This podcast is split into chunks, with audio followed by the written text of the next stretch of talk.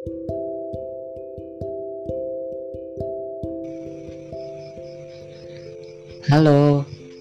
di penghujung bulan ini, apa yang kalian rasakan?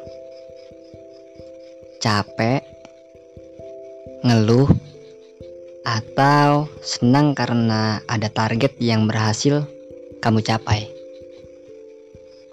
Iya, pasti kisah kalian bermacam-macam. Di penghujung bulan Oktober ini, aku mengajak kamu untuk sejenak beristirahat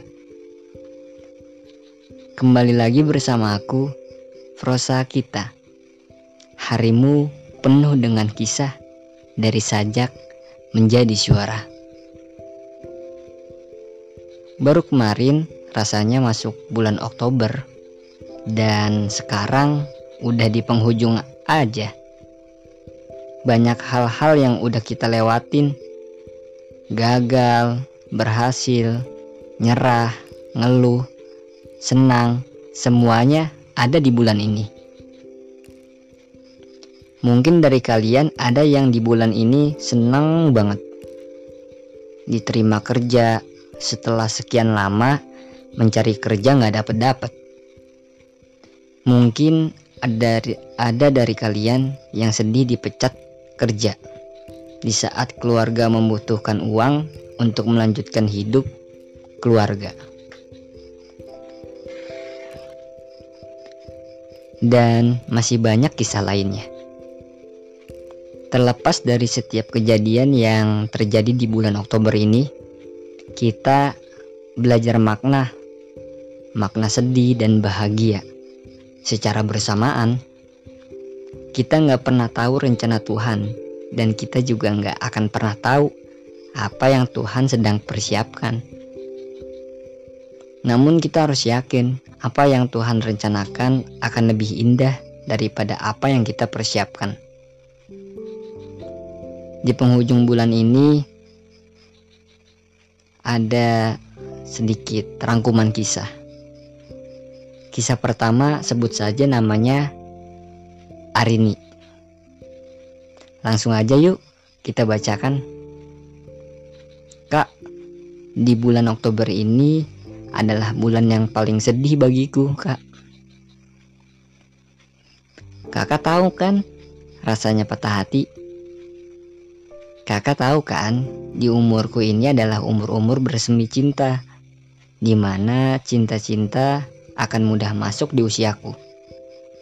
Sama halnya dengan anak seumuran aku.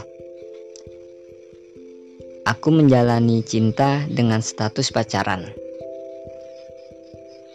Sebut saja namanya Dani. Nama disamarkan. Kak, Dani jahat kak. Dia selingkuh. Kami putus karena aku tak kuat menahan kekecewaan aku terhadapnya. Aku memperogokinya di salah satu kafe di kawasan Jakarta Pusat. Kak, saat itu aku sedang berjalan keluar dengan niatan untuk mencari ketenangan dan hiburan sejenak untuk melepaskan penatku di rumah. Namun, saat aku tiba di kafe, aku melihat Dani kak bersama wanita lain yang tidak lain adalah adik kelasku sendiri di SMA. Aku tidak berani menghampirinya. Aku tidak berani untuk mendekatinya. Aku sangat takut, Kak. Dia terlihat sangat mesra dengan wanita itu. Aku hanya bisa menangis dan kembali untuk pulang. Di rumah, aku kembali bersedih. Bulan ini bulan duka bagiku dan bulan paling sakit bagiku. Dani adalah cinta pertamaku kan. Namun, kenapa hal itu terjadi kepadaku? Rasa kecewa dan juga sakit yang tiada tara. Aku nggak sepenuhnya menyalahkan Dani dan aku juga nggak sepenuhnya menyalahkan adik kelasku. Aku tak berhak untuk marah dan aku nggak berhak untuk merasa memiliki walaupun aku saat itu adalah pacarnya. Semenjak kejadian malam itu aku nggak pernah balas lagi chatan dia kak. Aku cuma bilang sama dia ingin bertemu. Dan dia mengiyakan. Di saat kita bertemu aku banyak-banyak bercerita tentang kenangan-kenangan kita. Aku mengingat kembali kisah-kisah indah dan setelah kami lama saling bercerita aku berbicara serius sama dia Aku ingin putus dengan kamu, Dani. Dani menanyakan kepada aku, apa alasannya aku untuk memutuskan dia. Tapi aku nggak memberikan alasan, sebab bagiku cukup aku saja yang tahu bahwa dia selingkuh. Yang kulihat jelas pada saat malam lalu ketika aku melihatnya dia bermesraan dengan adik kelasku. Aku ingin putus. Aku ingin putus denganmu Dani, tegasku sekali lagi. Dan akhirnya kita putus. Dan tak lagi memiliki status hubungan dengannya. Aku sedih kak. Apakah yang aku putuskan ini adalah sebuah kebenaran? Apakah aku benar memilih untuk mengakhiri cintaku ini? Aku masih sayang kak sama dia dan aku akan selalu sayang sama dia walaupun aku sudah tidak bersamanya. Bagiku pacaran bukan tentang merasa memiliki dan pacaran bagiku bukan akhir cinta, tapi perjuangan untuk kuat melawan sedih yang sewaktu-waktu akan hadir tanpa kita duga-duga. Ah, hari ini Hmm, aku sedih banget lihat dan baca kisah kamu. Aku nggak nyangka ada wanita sekuat kamu yang ketika kamu lihat pacar kamu sendiri selingkuh, tapi kamu nggak langsung menghampirinya. Aku nggak tahu sih apa yang ada di hati kamu. Mungkin kamu terlalu baik dan mungkin kamu orang nggak gampang marah. Dan ketika kamu marah, kamu hanya bisa menangis saja kan? Tapi nggak apa-apa, aku tahu perasaan kamu.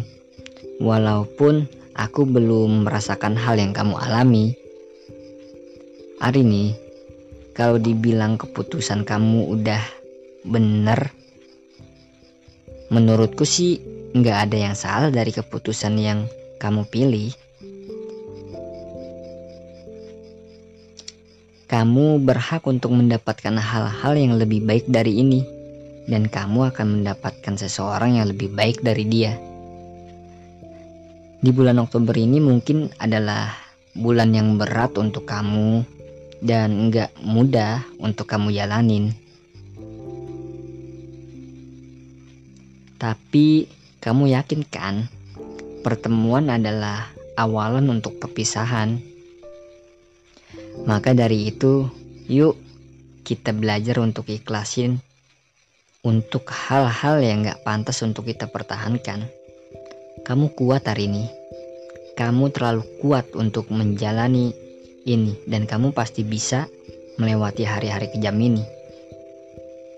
Aku menunggu kabar baik darimu di kisah berikutnya hari ini. Terima kasih udah bercerita di prosa kita.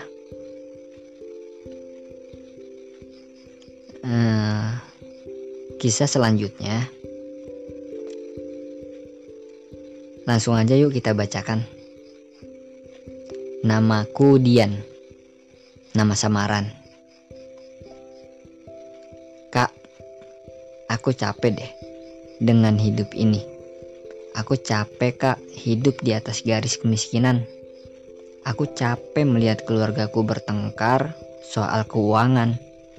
Kak, aku ingin rasanya membantu keluargaku dengan usaha-usahaku.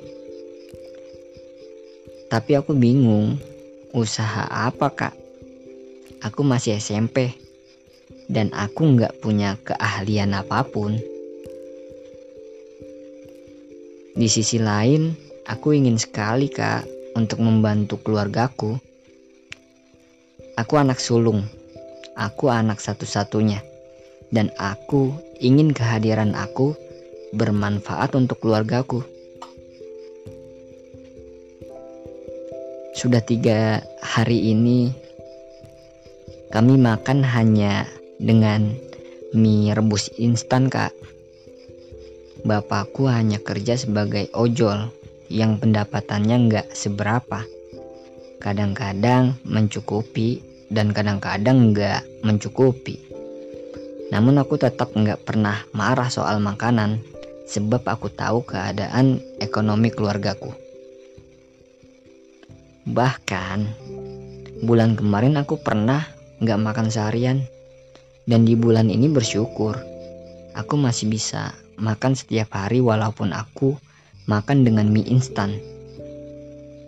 Kak, jika aku boleh minta sama Allah sesuatu, aku hanya ingin minta keluargaku diberikan kekuatan dan ketabahan menjalani masa-masa sulit ini, Kak sampai nanti aku bisa berbuat untuk menaiki derajat ekonomi keluargaku dan membuatnya bahagia oleh usaha-usahaku.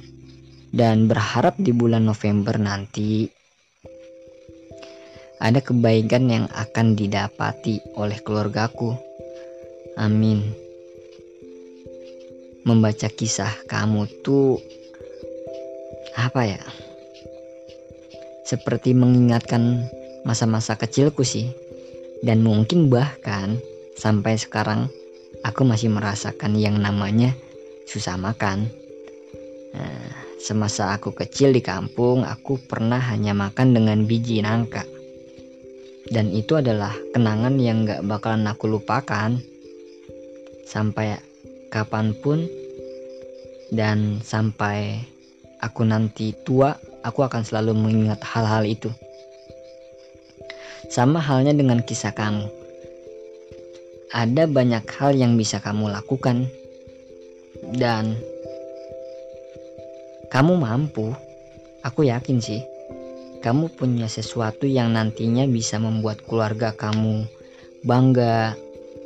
Ya, mungkin saat ini kamu kuatkan hati, tegarkan hati keluarga kamu, berjuang sama-sama, saling memotivasi dan saling bekerja keras dan berjuang sama-sama. Allah akan tetap bersama kita. Dan Allah ada dengan kita dan Allah tahu apa yang kita butuhkan. Kamu jangan khawatir karena Allah nggak menyuruh kamu untuk mencari jawaban. Karena setiap ujian Allah lah yang akan memberikan jalannya. Dan so, aku aminkan doamu. Amin ya Rabbal Alamin. Nah, di akhir bulan Oktober ini, setelah aku baca-bacain kisah-kisah kalian, nah, pesan singkatku di episode kali ini sih adalah kita harus lebih kuat menjalani kebahagiaan ataupun duka di setiap kejadian-kejadian yang telah terlewati dan apa yang kita hadapi. Ya, kita nikmatin saja, walaupun sulit untuk menikmatinya. Aku tahu sih, eh, ngomong itu nggak semudah kenyataannya, dan ngomong itu gampang sih. Cuman kan kita kan ngejalaninnya ya sedikit rumit gitu tapi ya gitu menurut aku sih nikmatin saja walaupun sulit untuk menikmatinya dan yang terpenting adalah keyakinan kita bahwa akan selalu ada kemudahan setelah kesusahan